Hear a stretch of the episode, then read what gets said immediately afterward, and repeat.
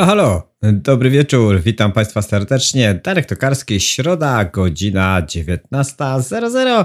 A więc znaczy to, że na antenie radia Islanders przyszedł najwyższy czas na sport tojowo, czyli tojowo na sportowo. Oczywiście nasza audycja cykliczna pojawiająca się właśnie w środę, właśnie w połowie tygodnia, bo przecież środa minie, tydzień zginie, a jak tydzień zginie, to znaczy, że zaczyna się weekend, a jak zaczyna się weekend, to zaczynają się nowe wydarzenia sportowe i tak, proszę Państwa, w kółko oto toczy się nasze sportowe życie, a w tym tygodniu e, mamy całkiem dużo ciekawych, fajnych, przede wszystkim dobrych informacji, oczywiście ze świata sportu, przygotowane e, właśnie dla Państwa za chwileczkę taki mini flash informacyjny, nasz taki tradycyjny, którego gwoli tradycji dawno nie było. E, bowiem mieliśmy e, bardzo dużo ciekawych e, rozmów z ciekawymi gośćmi, ale dzisiaj wracamy z takim mini flashem, bowiem tych informacji też pojawiło się całkiem dużo. Natomiast w temacie tygodnia, jak zawsze z Kacprem Cicheckim, porozmawiamy sobie o temacie tygodnia, czyli o tym, co wydarzyło się w Katarze. Rozlosowane bowiem zostały grupy finałowe Mistrzostw Świata, które odbędą się na przełomie listopada i grudnia 2020 roku, a więc już za nieco ponad pół roku. I proszę Państwa, oczywiście to nie jest żadna tajemnica, że reprezentacja Polski jest w grupie uczestników finałów, co nas oczywiście bardzo, bardzo cieszy. Wyeliminowaliśmy Szwedów po tym, jak e, została wykluczona Rosja. Zagraliśmy w finale playoff i wygraliśmy. Jesteśmy w finałach. O tym, czy mamy szansę e, w grupie, jaką mamy grupę, jak nasze losy na tych mistrzostwach mogą się potoczyć. Będziemy rozmawiać z Kasprem Cichę w temacie tygodnia.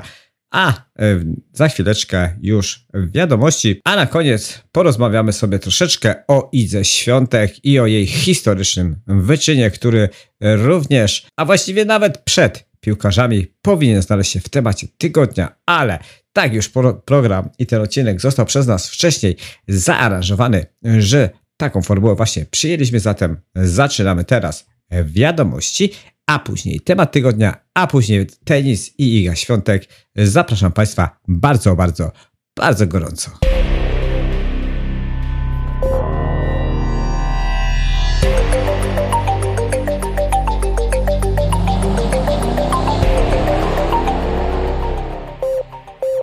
Piątek w katarskim Dausze rozlosowano grupy finałów Mistrzostw Świata, jakie na przełomie listopada i grudnia odbędą się w tym właśnie państwie. Przypomnijmy, że Polacy wylosowali Meksyk, Arabię Saudyjską i Argentynę. Proszę Państwa, Polska w finałach Mistrzostw Świata zmierzy się z Arabią Saudyjską, Argentyną i Meksykiem.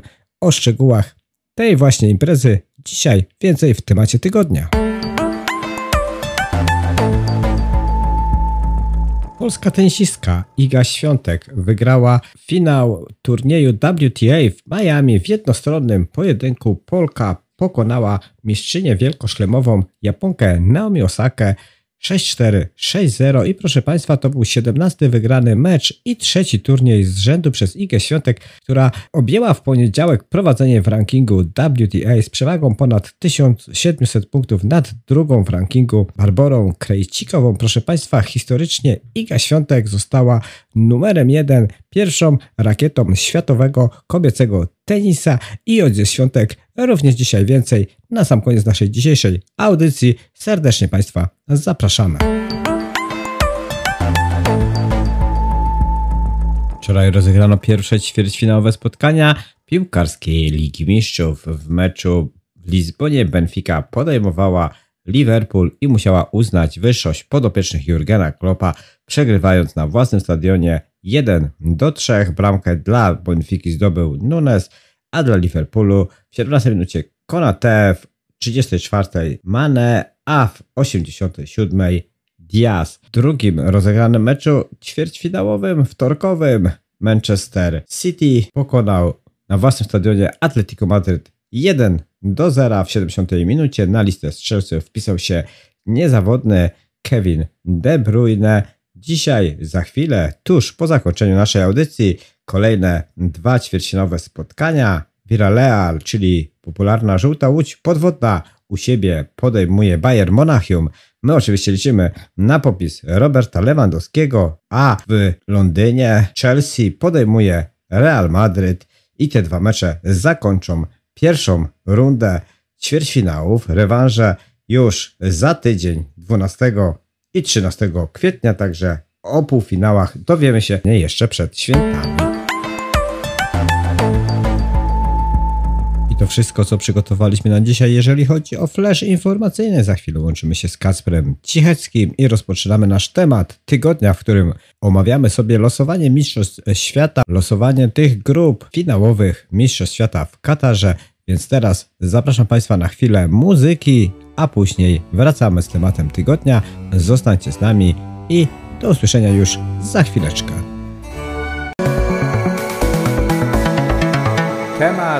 Tygodnia.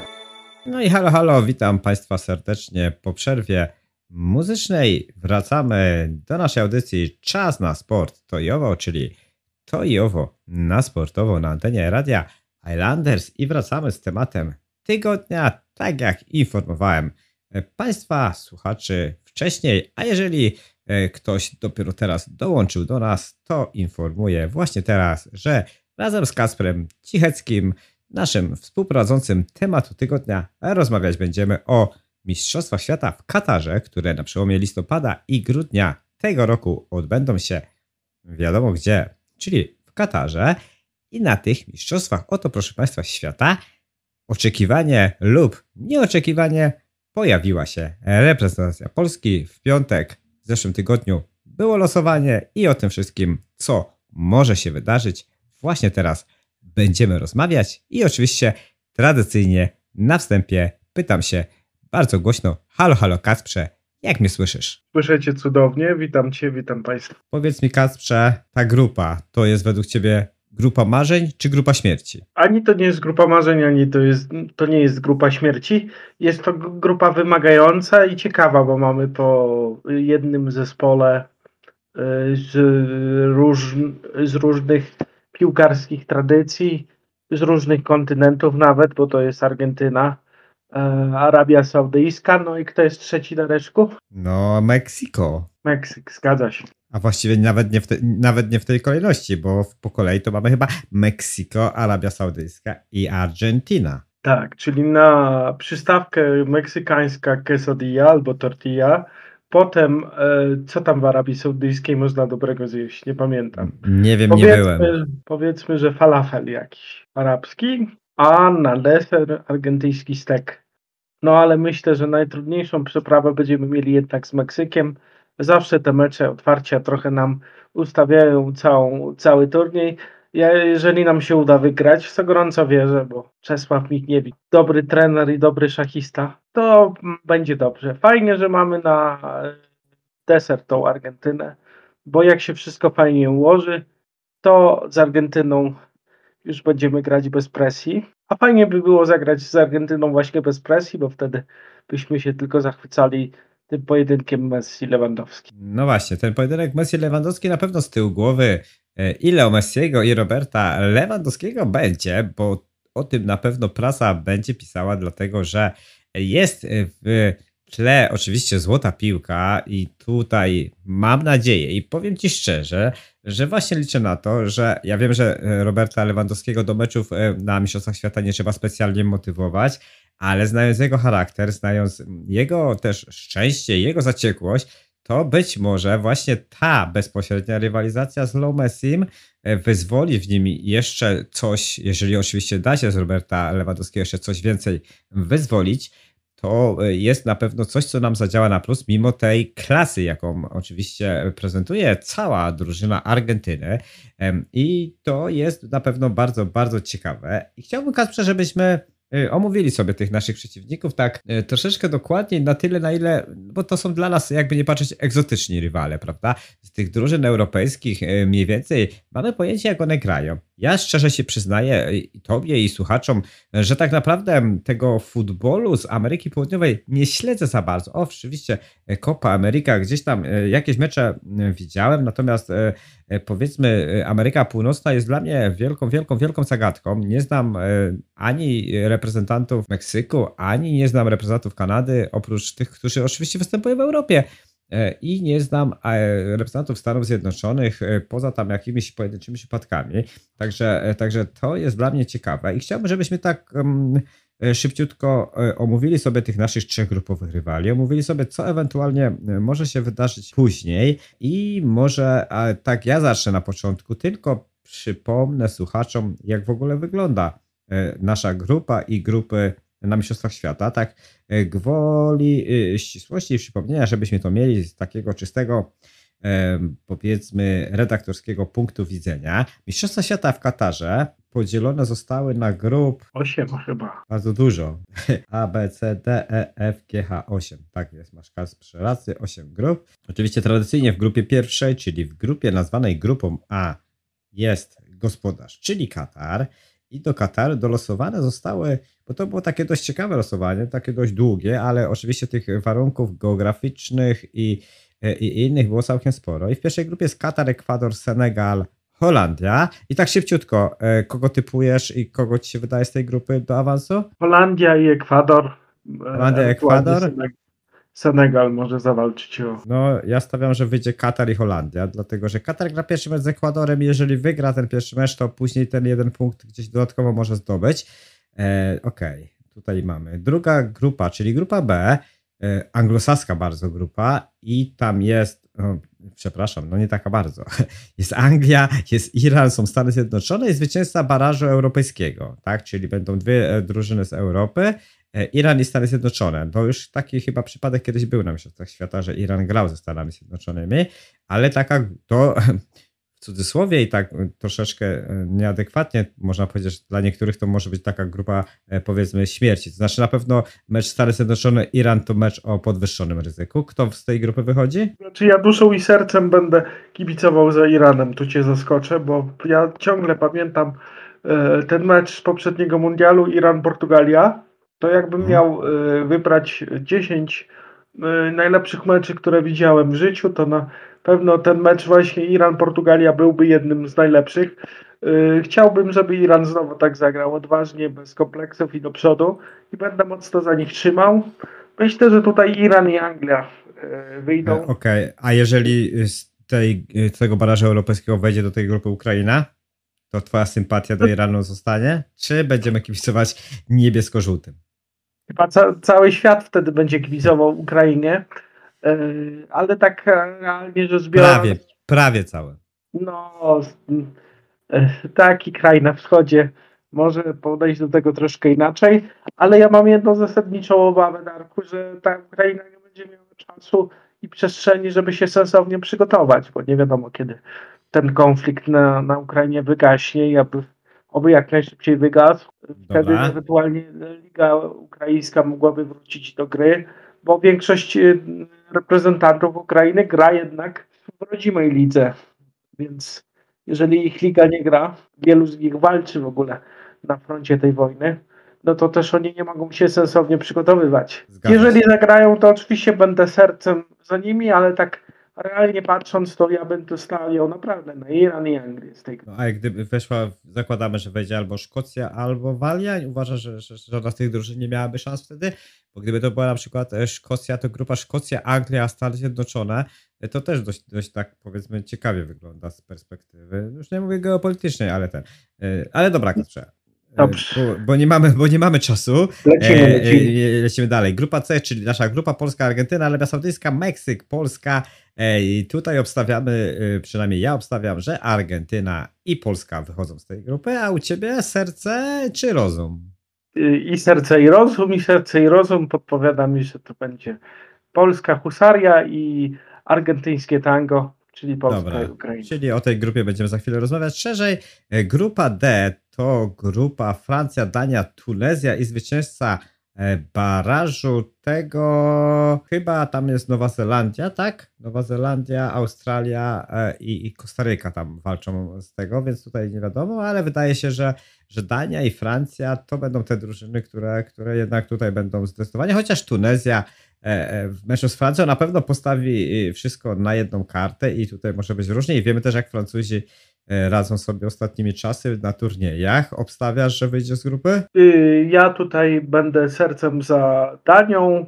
Rozum podpowiada, że Francja, także Francja i Dania powinny wyjść tutaj gładziutko. I tutaj mamy kolejną grupę, czyli grupę E, Hiszpania, Niemcy, Japonia i kolejny z baraży, i to nawet nie wiem który, czyli zwycięzca bodajże, a południowoamerykańskie chyba tam jest. Tutaj chyba Hiszpania i Niemcy, obojętnie kto by nie był w tej grupie, to tu nie ma innej opcji. No, ja tutaj y, może cię zaskoczę, ale myślę, że samurajowie mogą zawalczyć i Niemcy mogą znowu mieć ciężary w tej grupie i może być ciekawie. I Hiszpania na pewno wyjdzie i w ogóle ja bym bardzo chciał, żeby Hiszpania wygrała ten mundial. Okej, okay, grupa F. Polska.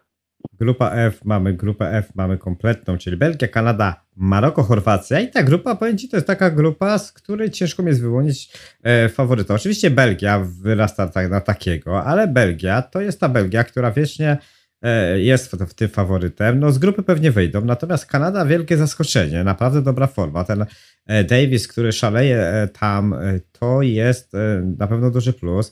Maroko e, również gra całkiem nieźle, no i Chorwacja, która niby e, coraz starsza, ale ciągle e, to serce do walki jest. Kto tak, według Ciebie? ja tutaj sercem będę za Chorwacją. Okej, okay. a wychodzi z grupy według Ciebie? Belgia, Chorwacja? Belgia, Chorwacja jednak. Okej, okay. przechodzimy do grupy G, Brazylia, Serbia, Szwajcaria, Kamerun. Bardzo, bardzo trudna grupa. No Brazylia oczywiście zdecydowany faworyt. Brazylia, która ma naprawdę dobrych zawodników i już y, ten puchar y, Copa Ameryka, który przegrali co prawda w finale z Argentyną, pokazał, że Brazylia naprawdę jest mocna. Serbia, Szwajcaria, Kamerun. Wydawałoby się, że te drużyny takie równe, ale tutaj e, zdecydowanym faworytem dla mnie jest Szwajcaria. Kamerun takie czasy świetności chyba mają za sobą, a Szwajcarzy naprawdę, e, przypomnijmy, że wyszli z pierwszego miejsca z grupy z Włochami europejskiej, prawda?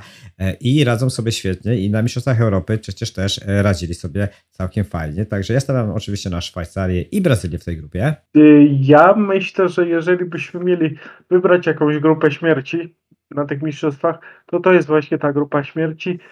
Mm, przewiduję, że do ostatniej minuty ostatniego meczu będzie trwała walka o awans i poza Brazylią ciężko mi wytypować, kto zajmie to, to drugie miejsce. No może Szwajcaria, ale to mogą nastąpić niespodzianki. Szwajcarzy mistrzowie remisów, więc prawdopodobnie z tej grupy e, wejdą. E, no i ostatnia grupa, grupa H, w której zmierzą się Portugalia, Ghana, Urugwaj i Korea Południowa. Też powiem Ci szczerze, że ciężko mi tutaj jest cokolwiek powiedzieć, dlatego że Ghana, mimo tego, że była dolosowywana z czwartego koszyka dopiero, to jest drużyną, jak na drużyny afrykańskie, które awansowały dość mocną. E, Portugalia jest Portugalią nieprzewidywalną, która w, tej, w tych grupach ostatnimi czasy się męczy i jakąś tam rzutem na taśmę zawsze z tej grupy wychodzi i nie wiem, czy to szczęściem się w tym roku nie skończy, tym bardziej, że tak jak wiemy, no, ten terminarz tych meczów e, i to natężenie w ogóle na jesień będzie tak ogromne, że tu wcale europejskie drużyny nie są w uprzywilejowanej pozycji, prawda? E, Urugwaj to jest marka, to jest drużyna, mimo też, że tam zawodnicy się starzeją i te wielkie gwiazdy Urugwaju to już nie, e, nie są te najjaśniejsze gwiazdy, no a Korea, no to zawsze Korea, która walczy od początku do końca i jest drużyną bardzo nieprzewidywalną. Nie wiem, kto z tej grupy wyjdzie, przyznaję szczerze. Ja tutaj będę sercem za Urugwajem, bo mi się też podoba ta zmiana pokoleniowa w Urugwaju.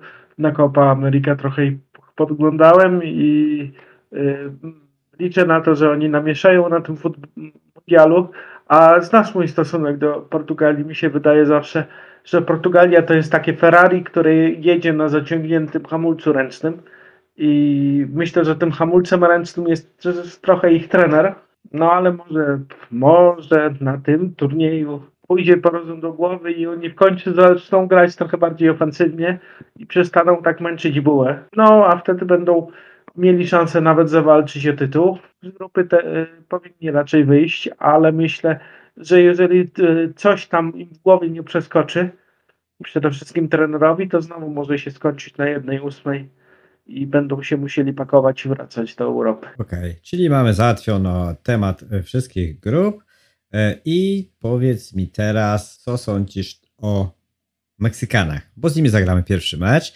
E, ja, ja zacznę e, e, od garści statystyk, bo z tą drużyną ogółem mierzyliśmy się 8 razy. Mamy z nimi bilans następujący: 3 zwycięstwa, 2 remisy, 3 porażki.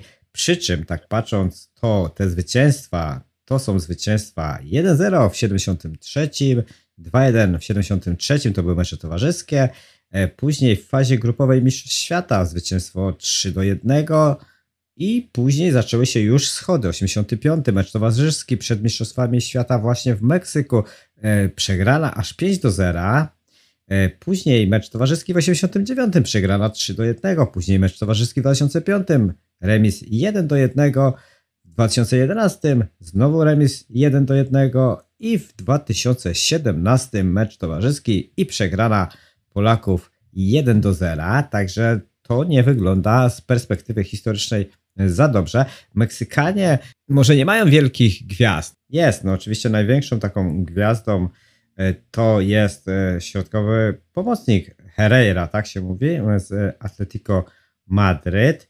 No i oczywiście napastnik... Chicharito. Chicharito, tak? No nie, no naj, największym w tym momencie chyba e, to jest jednak mimo wszystko Lozano, który gra w Napoli, bo chyba on jest nawet nawet i najbardziej, najbardziej, najdroższym piłkarzem tego klubu, ale, ale ta drużyna jest wcale nie taka, powiedzmy, anonimowa i tam grają naprawdę klasowi zawodnicy. Tak, trzeba też sobie jasno powiedzieć, że Liga Meksykańska sama w sobie jest mocna. Myślę, że to jedna z najsilniejszych w Ameryce Łacińskiej obok Ligi Brazylijskiej. No i zobacz, jak tak popatrzysz nawet statystycznie, no to co oni regularnie występują na mundialu, kwalifikują się, a w ostatnim mundialu przecież e, wyszli z grupy, w której byli Niemcy i e, pokonali Niemców. Mało, te, mało, mało tego statystycznie, to Meksyk chyba zawsze wychodził z grupy, kiedy grał w Mistrzostwach Świata, więc te statystyki na pewno ma e, dobre. Tylko, że na pocieszenie naszych kibiców, nie chcemy was oczywiście, drodzy słuchacze, e, straszyć, na pocieszenie my mamy Czesława Michniewicza, który od tych e, zadań niemożliwych jest mistrzem, który te statystyki przełamuje i ja mam nadzieję, że w przypadku tego mundialu tak właśnie będzie i, i że my sobie z tym Meksykiem poradzimy jednak mimo wszystko, bo powiem Ci, że ta drużyna będzie niedoceniana przez wielu ludzi i to mi się przypomina taka analogiczna troszeczkę sytuacja z Kolumbią, którą mieliśmy na ostatnim mundialu, e, gdzie też e, wszyscy mówili, a Kolumbia, a Kolumbia, tymczasem ten potencjał Kolumbii, patrząc na to jednak, gdzie ci zawodnicy, którzy grają w pierwszej jedenastce e, grają i jak oni grają, jaki oni mają poziom sportowy, e, to e, ciężko powiedzieć, że to jest drużyna, która jest od nas powiedzmy dużo słabsza, a wręcz przeciwnie w przypadku Kolumbii ta drużyna była potencjałem od nas lepsza. Także ja uważam, że tego Meksyku w ogóle nie możemy lekceważyć, natomiast jest to drużyna, z którą na pewno jesteśmy w stanie wygrać. Tak. Mm, I też nie nastawiajmy się na jakiś mega otwarty mecz, bo Meksyk zazwyczaj gra zachowawczo i czeka na kontrę. Y, to będzie taki pojedynek dwóch y, szachowych arcymistrzów y, do pierwszego błędu. Ja tutaj liczę, że to Meksykanie pierwsi popełnią mm, błąd, a my te swoje powiedzmy dwie czy trzy szanse w meczu wykorzystamy i strzelimy przynajmniej jedną bramę. No, takie jeden zerko mi się marzy i żebyśmy taki mogli. jeden zerko na pewno jest to mecz, e, mecz e, pierwszy, więc ten mecz najważniejszy, ten mecz, którego przegrać nie można i my tu liczymy właśnie na e, Czesława Michniewicza i te jego umiejętności ustawienia drużyny defensywnie. Wiemy, że jeśli chodzi o grę defensywną całego zespołu, to już mamy jeden problem, bo wiem, Państwo pewnie wiedzą, ci, którzy nie to powiemy, no tragedia stała się w weekend w Brighton i proszę Państwa, e, Kuba Moder niestety prawdopodobnie na 99% na mundial nie pojedzie, zerwane więzadło krzyżowe w kolanie. No fatalne, fatalne wieści przyszły do nas z, z tego tygodnia. Jeśli chodzi o, o kadrowiczów, mamy już kadrowicza, który prawdopodobnie wypada e, z turnieju. Powiedz mi, czy ty wierzyłeś w to, co się stało? Bo, bo ja, ja nie do końca. Wchodzi Kuba Moder w 83 minucie, a w 86 schodzi z e, tak poważną kontuzją, to aż po prostu no, serce się łamie. Tak, ja oglądałem skrót z tego meczu i szczerze mówiąc, ja się trochę dziwiłem, bo y, z perspektywy oglądającego nie było widać, żeby on ta, aż tak y, tam, nie wiem, źle stanął, czy żeby się tam coś zadziało. On sobie biegł, biegł, nagle coś jakby go zakuło, no i przewrócił się na murawę, była już potrzebna pomoc medyczna. Wielka strata, bo Kuba Moder naprawdę wyrastał na klasowego pomocnika i był taką lokomotywą ofensywną tej naszej reprezentacji. Cała nadzieja w Klichu, że tak powiem. Klich gdzieś trochę ma słabszy okres czasu, kiedy Bielsa odszedł z Leeds, ale ja tu ciągle liczę, że on wróci do tej reprezentacji i godnie zastąpi Modera, bo w nim cała nadzieja. Na to, że Grzegorz Krychowiak wróci do formy mistrzowskiej i zaprezentuje się przynajmniej tak jak w tej drugiej połowie meczu ze Szwecją. Przechodzimy do kolejnego rywala, czyli do Arabii Saudyjskiej. Garść statystyk ode mnie. Jak zawsze, proszę Państwa, z Arabią Saudyjską to może nawet ciężko powiedzieć, że to garść statystyk, to tak może tak okruszki statystyk, bowiem tych meczów z nimi rozegraliśmy zaledwie trzy. To były trzy mecze towarzyskie i tak od najstarszego meczu, czyli od 1994, a wtedy rozegraliśmy z nimi meczy dwa. E, jeden zwycięstwo 1-0 po bramce Tomka Wieszyckiego, później w, to był kwiecień 94, w październiku 94 wygraliśmy 2 do 1 i proszę Państwa, ostatni mecz z Arabią Saudyjską rozegraliśmy 28 marca 2006 roku i wtedy ponownie wygraliśmy 2 do 1, a dwie bramki dla Polski zdobył Łukasz Sosin. Jeżeli ktoś pamięta takiego właśnie zawodnika, to e, ten oto gracz strzelił wtedy dwa gole, także proszę Państwa, z Arabią Saudyjską my doświadczenia za dużego nie mamy. Mamy za to olbrzymią, można powiedzieć, przewagę, jeśli chodzi o zdobycz punktową, bowiem my zdobyliśmy teoretycznie w tym trójmeczu ich 9, Arabia Saudyjska 0, e, natomiast no, martwi troszeczkę to, że my z tą Arabią Saudyjską jednak traciliśmy gole, czyli że tam ktoś też strzelać e, potrafi. No ja oczywiście to mówię wszystko mm, pół żartem, pół serio, bowiem wydaje mi się, że ta drużyna mimo wszystko będzie dostarczycielem punktów w tej grupie. E, jedyne, co, co tak naprawdę gra na plus tej drużyny, to jest to, że te mistrzostwa są właśnie w grudniu i właśnie w Katarze, e, bo wiem, po pierwsze, oni będą grać niby obcym państwie, ale tak jakby troszeczkę u siebie i tutaj na pewno to przygotowanie fizyczne, ta aklimatyzacja e, i to ta umiejętność grania w tych temperaturach to jest na pewno coś, co będzie grało na ich korzyść, zresztą na korzyść wszystkich drużyn z tego regionu, bo wiemy, że te europejskie drużyny będą e, miały ciężko, po pierwsze zebrać kadrę, po drugie zaaklimatyzować się, bo niejako te mistrzostwa startują, tak jak już wielokrotnie mówiliśmy, prawda, z marszu. E, I tutaj, tutaj jedyna szansa dla Arabii Saudyjskiej, dlatego ja się cieszę, że my gramy ten pierwszy mecz mimo wszystko z Meksykiem, a drugi z Arabią, że my już e, w ten mecz z Arabią będziemy albo musieli mieć mecz o wszystko i wtedy naprawdę będziemy potrafić ich, ich zniszczyć, i wtedy będziemy się nastawiać na, na, na, kolejne mecze, albo już będziemy na tyle zaaklimatyzowani, że po prostu na spokoju ich rozklepiemy, bo na pewno potencjałem sportowym no to przewyższamy ich o kilkanaście e, klas, prawda?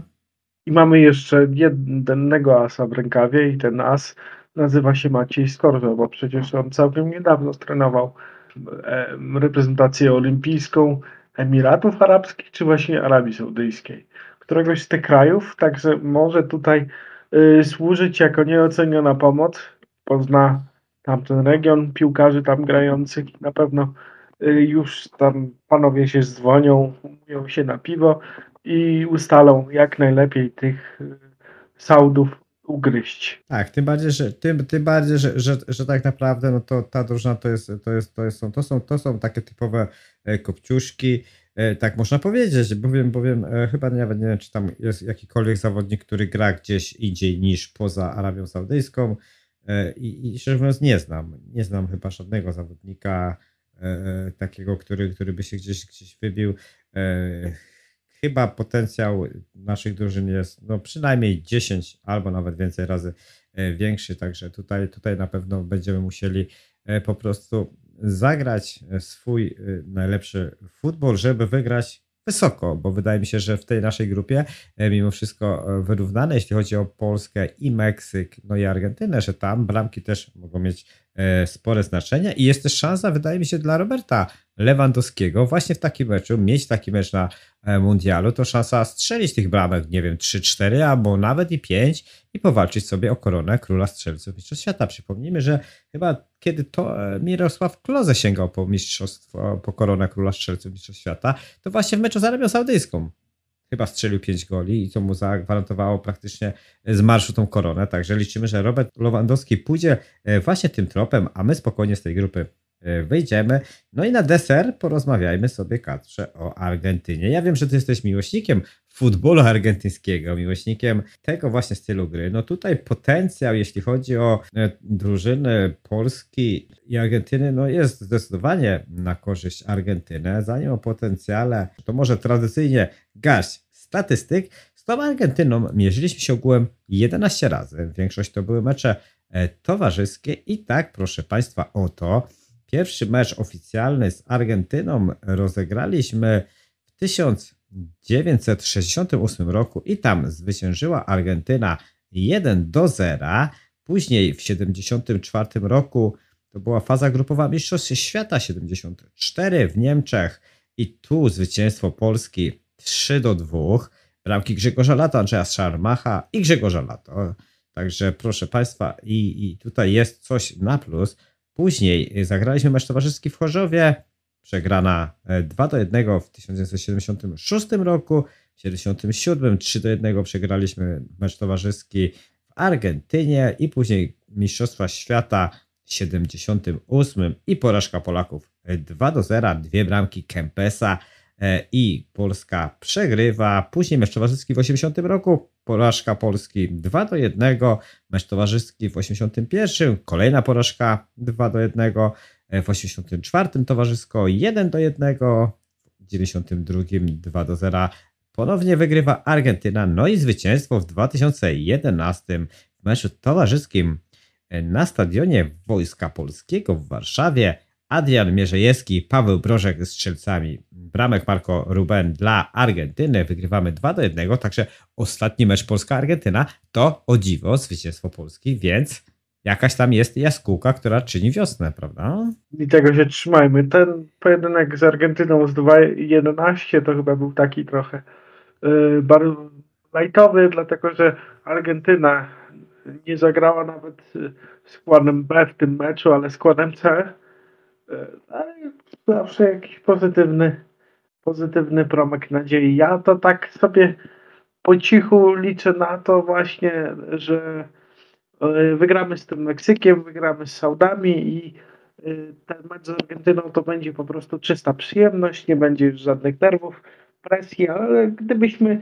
mieli zawalczyć z Argentyńczykami o awans, to też to będzie ciekawy mecz. No bo My już udowodniliśmy, że potrafimy z dobrą drużyną wygrać. Zremisowaliśmy z e, Hiszpanią, e, kiedy trzeba było. E, potrafiliśmy ograć Niemców.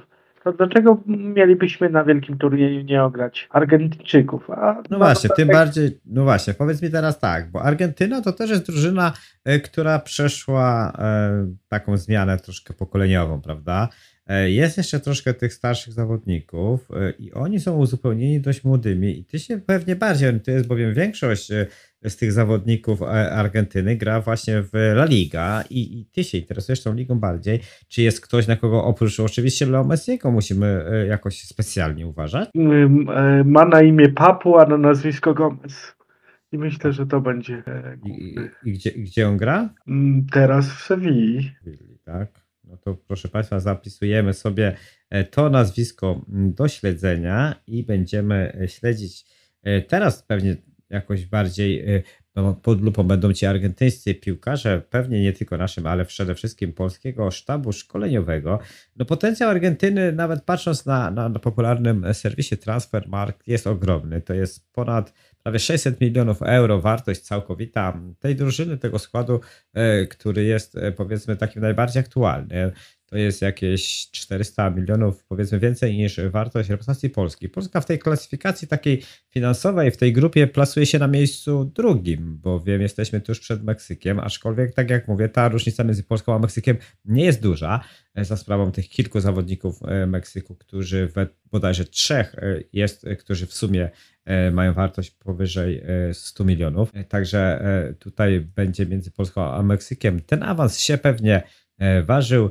E, I my tymczasem e, doszliśmy do końca grupy C. Omówiliśmy sobie wszystkie te grupy pokrótce. Oczywiście myślę, że na te szczegółowe analizy przyjdzie jeszcze czas.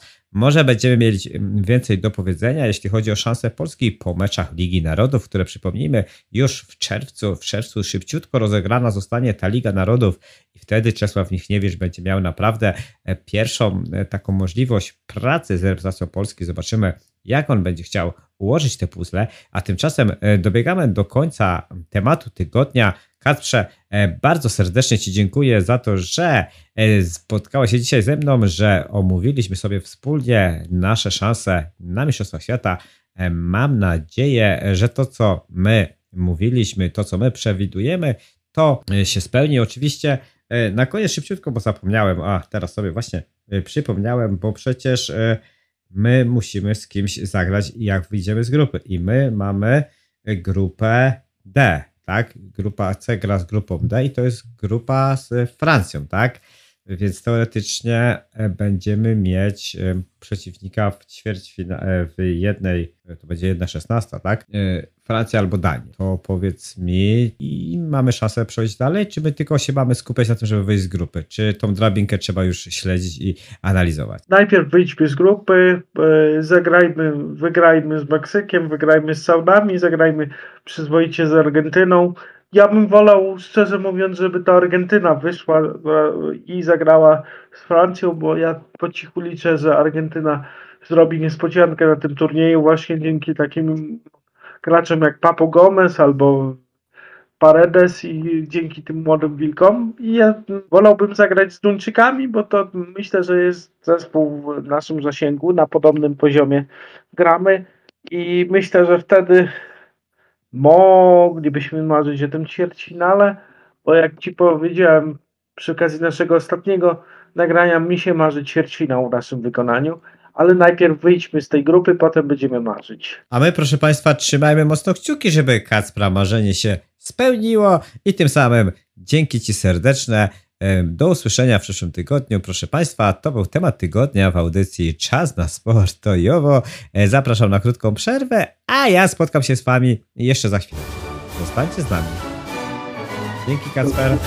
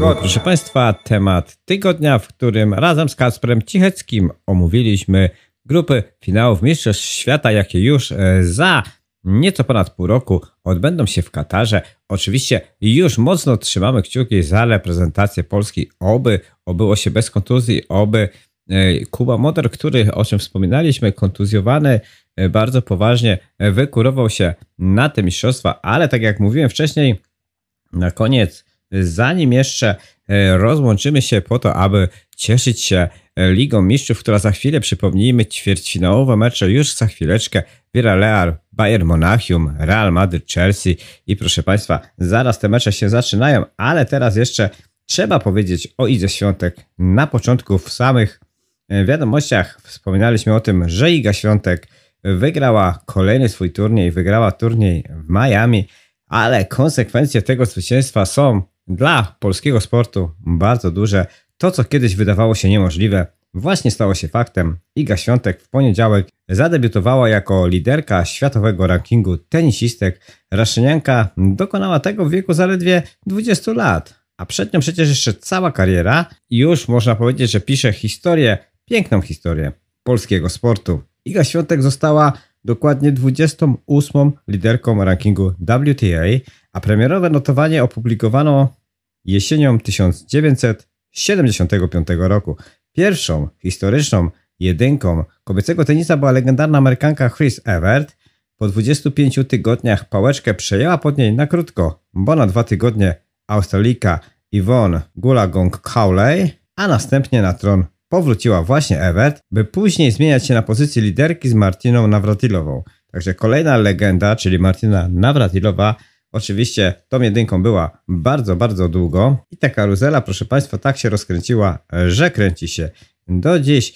Z takich bardziej znanych w kolejnych latach prowadziło długo takie dominatorki światowego tenisa jak m.in. pamiętna Steffi Graf czy Serena Williams, ale zdarzały się też panie, o których obecnie coraz częściej zapomina się, a przynajmniej młodsi fani tenisa zapominają jak Dinara Safina czy Jelena Jankowicz. Do grona tych pierwszych, czyli tych dominatorek, dołączyła niedawno Ashley Barty i wydawało się, że Australijka pozostanie na szczycie jako jedynka bardzo, bardzo długo. Jednak niespodziewanie, można powiedzieć, pod koniec marca odstawiła rakietę, ogłosiła rozbrat z tenisem i poprosiła o usunięcie z listy WTA. To otworzyło przed naszą Ligą Świątek szansę na objęcie prowadzenia w prestiżowym zestawieniu i nasza zawodniczka skrzętnie z tej szansy oczywiście skorzystała i została pierwszą w historii Polką, która jest liderką kobiecego tenisa. Spełniła z tym swoje wielkie marzenie i chyba nie tylko swoje, ale także bardzo, bardzo duże liczby polskich kibiców, którzy, no może trzeba powiedzieć, bardzo długo funkcjonowali w myśl hasła, że po prostu cieszyliśmy się z małych rzeczy. Przypomnijmy, że jeśli chodzi o polski tenis, to było dość cienko. W latach 80. czołówka to była raczej poza zasięgiem jedyną zawodniczką, która próbowała walczyć gdzieś, gdzieś troszeczkę była Iwona Kurczyńska w latach 90 troszeczkę e, słychać było o Katarzynie Nowak. Apetyty e, troszeczkę urosły nieco później, gdy w juniorskich turniejach grały dobrze Magdalena Grzybowska czy Aleksandra Olsza, a na początku XXI wieku całkiem dobre mecze miewała Marta Domachowska, jednak przełom z tego, co pewnie już młodzi słuchacze pamiętają, nastąpił w erze Agnieszki Radwańskiej, która jednak tą jedynką nie była nigdy. Y, z tego co ja pamiętam, to Agnieszka Radwańska chyba była numerem dwa przez krótki czas. Y, Krakowianka przez wiele, wiele sezonów grała naprawdę fenomenalnie i gdzieś zawsze brakowało jej szczęścia.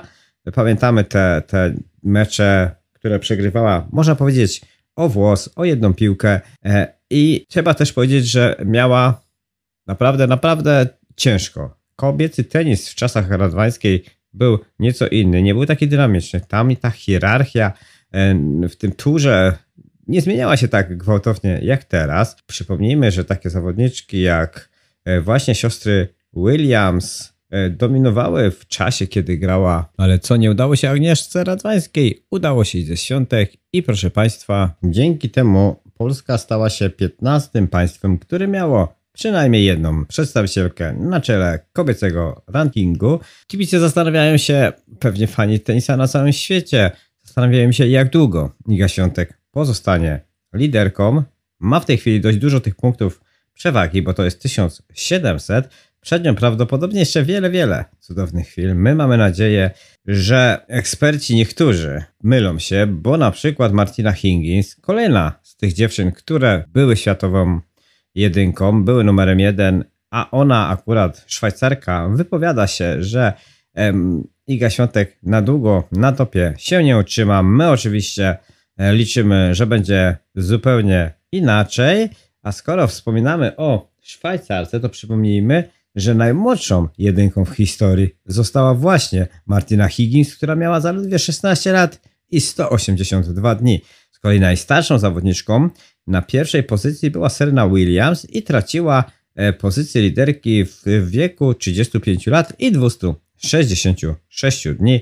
Najdłużej liderką światowego rankingu przez 377 tygodni była Steffi Graf, a najkrócej wspomniana na początku Cowley z Australii przez dwa tygodnie.